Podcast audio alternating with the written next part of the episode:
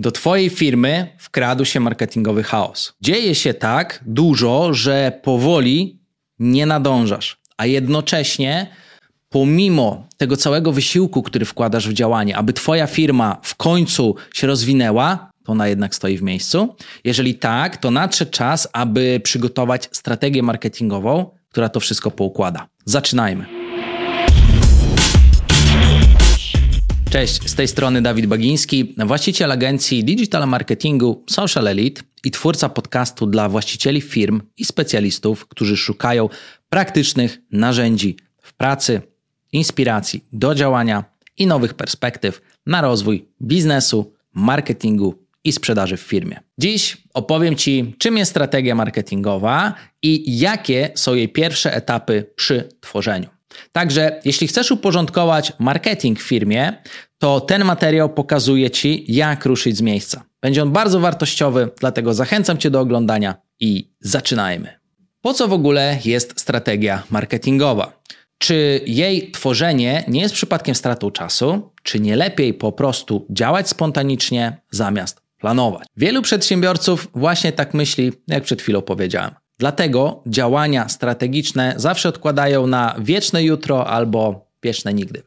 Jeśli ty do rozwoju biznesu podchodzisz w sposób świadomy, to na pewno domyślasz się, że brak strategii marketingowej no niestety, ale ma swoje konsekwencje. I być może właśnie te konsekwencje już w tym momencie odczuwasz, obserwując pojawiające się na okrągło codzienne małe problemy i pożary. Albo po prostu masz świadomość, że Twoja firma nie wykorzystuje swojego całego potencjału marketingowego, ale nie wiesz, co możesz zrobić, żeby to zmienić. W obu tych przypadkach stworzenie strategii marketingowej jest bardzo dobrą decyzją i super, że oglądasz ten materiał. Zacznijmy więc od tego, czym w ogóle jest strategia marketingowa. Mówiąc w skrócie, to taki plan rozwoju dotyczący tego, jak dotrzeć do odpowiednich ludzi bądź firm i uczynić z nich swoich klientów.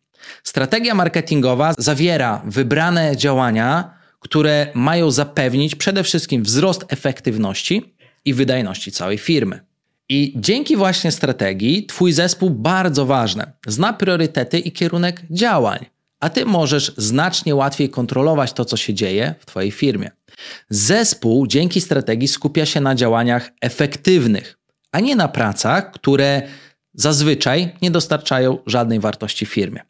Zespół wie, co ma robić, żeby realizować cele firmy, czyli na przykład, żeby zwiększyć wyniki sprzedażowe lub poprawić jakość pozyskiwanych lidów, e, czy zadowolenia i lojalność klientów. Od czego zatem zacząć tworzenie strategii? Przede wszystkim od solidnej analizy. Od zebrania danych, od analizy konkurencji, od analizy własnych materiałów marketingowych i spisania wniosków, które e, pokazują stan obecny marki.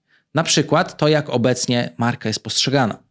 I teraz problem też tkwi w tym, że wiele firm zaczyna tworzyć strategię bez kompletnie przygotowania tych elementów, o których właśnie powiedziałem.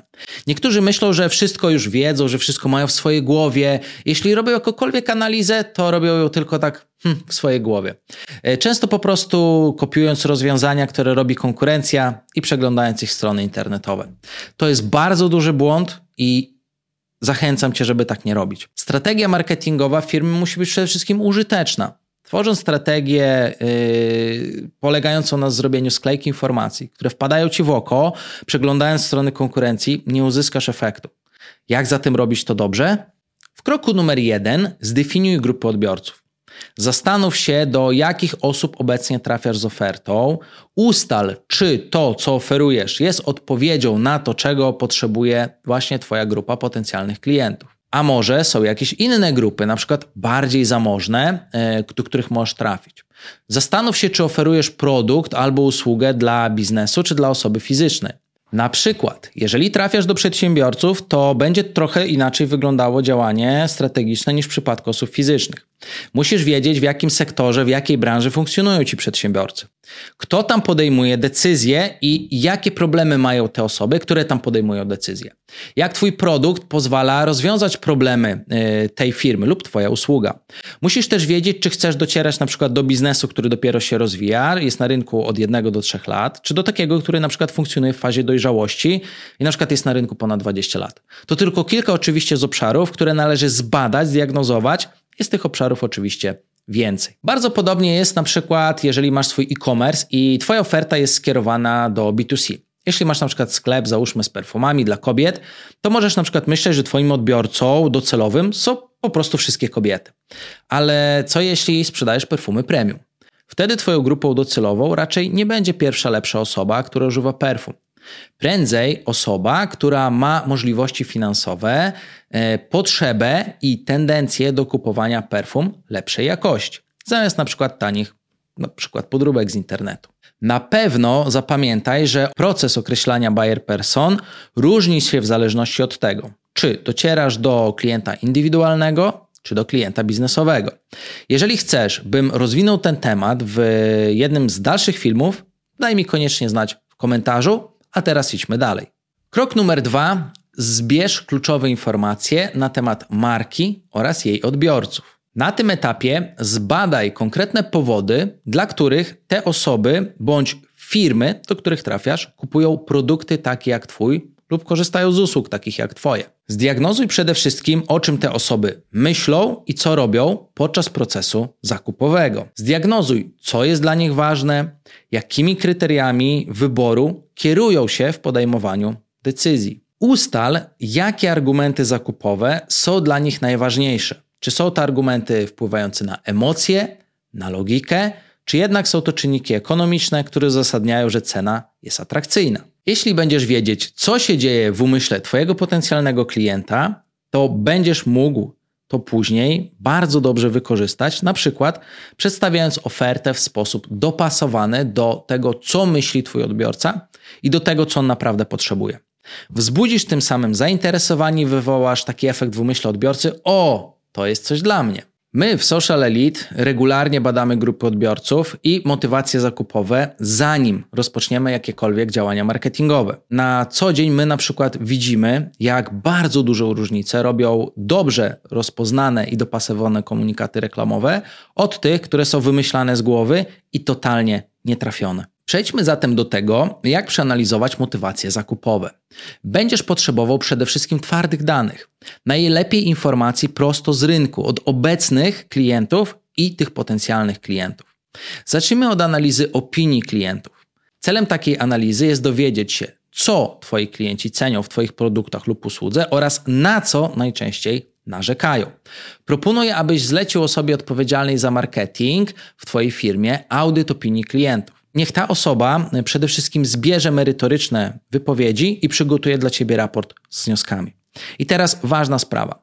Możesz podejść do tego zadania bardziej aktywnie i zamiast szukać opinii, po prostu zapytaj Twoich potencjalnych klientów. W tej sytuacji idealnie sprawdzi się po prostu prosta ankieta, którą udostępnisz swoim klientom, albo e, sięgnięcie po e, telefon zadzwonienie do nich i zapytanie ich o to wprost. Dlaczego na przykład wybrali Twoją firmę, wybrali Twój produkt, co im się na przykład podobało we współpracy lub czego im brakowało. Zapewniam, że zdziwisz się, z jak przede wszystkim pozytywną reakcją możesz spotkać się prowadząc takie rozmowy. Kolejne działanie to analiza odbioru marki przez potencjalnych klientów.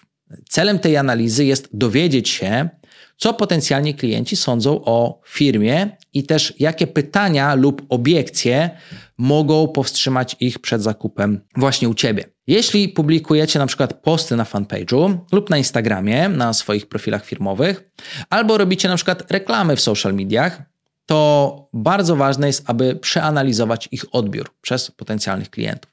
Szczególnie tych, w których przedstawiacie oferty. Jeśli potencjalni klienci zostawiają komentarze, warto je przeczytać, bo odpowiedzi mogą być bardzo cenne. Także jak widzisz, analiza rynku wcale nie jest skomplikowana i tutaj jest zasada bardzo prosta. Jeśli rynek daje ci feedback, to powinieneś go wziąć. A co jeżeli rynek nie daje ci feedbacku, bo na przykład twój biznes dopiero startuje? Postaraj się zebrać informacje na mniejszej skali, wykorzystując osoby, które są najbardziej zaangażowane w Twojej społeczności.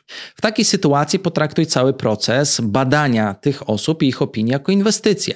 Wykorzystaj dokładnie te same metody i pamiętaj o zasadzie wzajemności.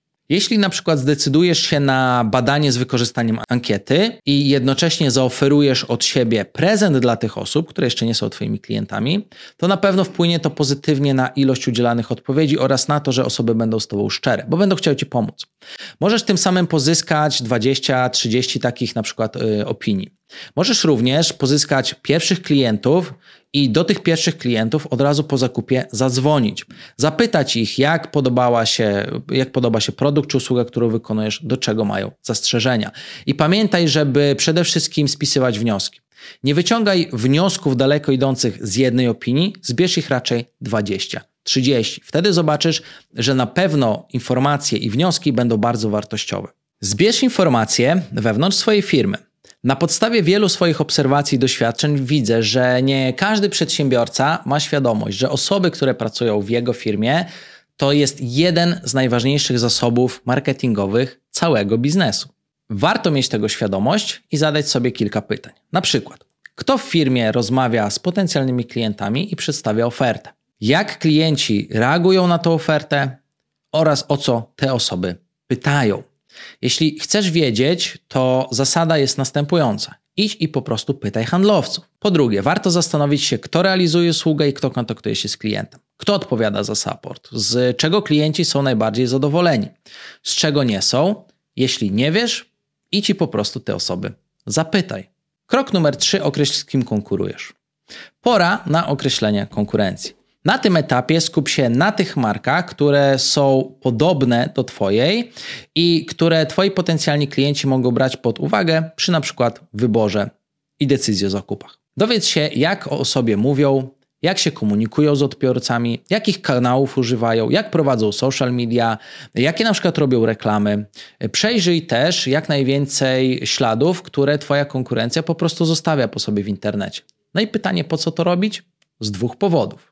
Pierwszy to jest oczywiście inspiracja, bo możesz prześledzić i zdiagnozować, które działania mogą działać i możesz je przetestować u siebie. Oczywiście dopasowując do swojego kontekstu. Drugim jest znalezienie przewag konkurencyjnych, czyli odpowiedzenie sobie na pytanie, co możesz zrobić lepiej lub co możesz zaoferować dodatkowo lub co możesz zrobić zupełnie inaczej, aby po prostu lepiej wypozycjonować swoją ofertę. Gdy zdobędziesz informacje, o których przed chwilą mówiłem, ustal silne i słabe strony swojej firmy, swojego produktu i usługi.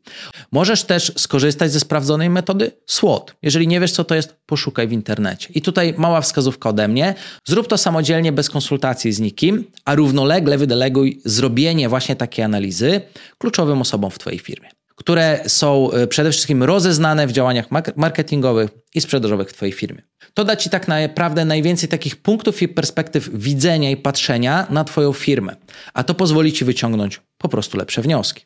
Ważne, żeby tylko tego nie wymyślać. Jeżeli robisz analizę po to, aby stworzyć strategię, postaraj się bazować na przede wszystkim aktualnych informacjach z rynku i na faktach. Jeśli na przykład wielu klientów zwraca uwagę na jakąś pozytywną funkcję w Twoim produkcie lub usłudze, e, to bardzo ważne jest, żeby to zdiagnozować i głośno o tym wszędzie mówić. Głośno o tym komunikować, bo jest to świetny wtedy wyróżnik. Z kolei, na przykład, jeśli Twoja firma, produkt lub usługa ma sporo negatywnych opinii, to też nie powinieneś ich ignorować. Zobacz na przykład, na co klienci zwracają uwagę jako rzeczy negatywne, na tendencje i zimno na to popatrz i zacznij to usprawniać w swojej firmie. To może być dobry bardzo punkt wyjścia do tego, żeby dopracować Twoje produkty i usługi, a finalnie zrobić coś lepszego, czego nie robi konkurencja. A co jeśli masz na przykład bardzo mało danych, bo dopiero zaczynasz? No wtedy niestety nie masz wyjścia, musisz zacząć wymyślać, musisz zacząć spekulować, ale jeżeli już to robisz, rób to z pełną świadomością, że są to spekulacje, które dopiero przeanalizujesz. I na koniec jeszcze jedno. E, książkowo wypadałoby pracować nad strategią jeszcze zanim biznes wystartuje, a później ją korygować i usprawniać. Ale ja też wiem, jak jest w życiu. Prawdopodobnie jesteś teraz w sytuacji, gdzie nie masz jeszcze zrobionego audytu i do stworzenia strategii jeszcze u ciebie daleka droga. Czy w takim razie y, musisz rewolucjonizować nagle swoją firmę i wszystko, wszystko przestawiać? Nie, nie, na spokojnie. Z mojego doświadczenia wynika, że większość firm nie ma strategii, ale działa. I jeżeli ty też jesteś w takiej sytuacji, to polecam ci następującą taktykę. Realizuj dalej obecnie to, co robisz i rób to, co daje ci efekt. Nie, nie rób rewolucji ale w międzyczasie zrealizuj pracę, o których wcześniej mówiłem, wyciągnij wnioski i zacznij małymi krokami, małymi elementami usprawniać fundamenty swojej firmy. Dzięki temu nic ci się nie rozjedzie, a będziesz w stanie krok po kroku wdrożyć tą strategię. Już po właśnie przejściu przez zadania na tym etapie analitycznym, zauważasz też sporo obszarów, które wymagają na przykład przemyślenia. Dzięki temu y, dokręcasz przysłowiowe biznesowe śrubki w swojej firmie i możesz dzięki temu zwiększyć prawdopodobieństwo sukcesu na dalszych etapach. Jeżeli chodzi o dzisiaj, to jest na tyle. Pamiętaj y, też, że choć jest to dopiero pierwszy krok w stworzeniu strategii, to jest on również kluczowym krokiem, który daje Ci przede wszystkim większą pewność, że planowane przez Ciebie działania mają sens i przyniosą Tobie konkretne korzyści biznesowe.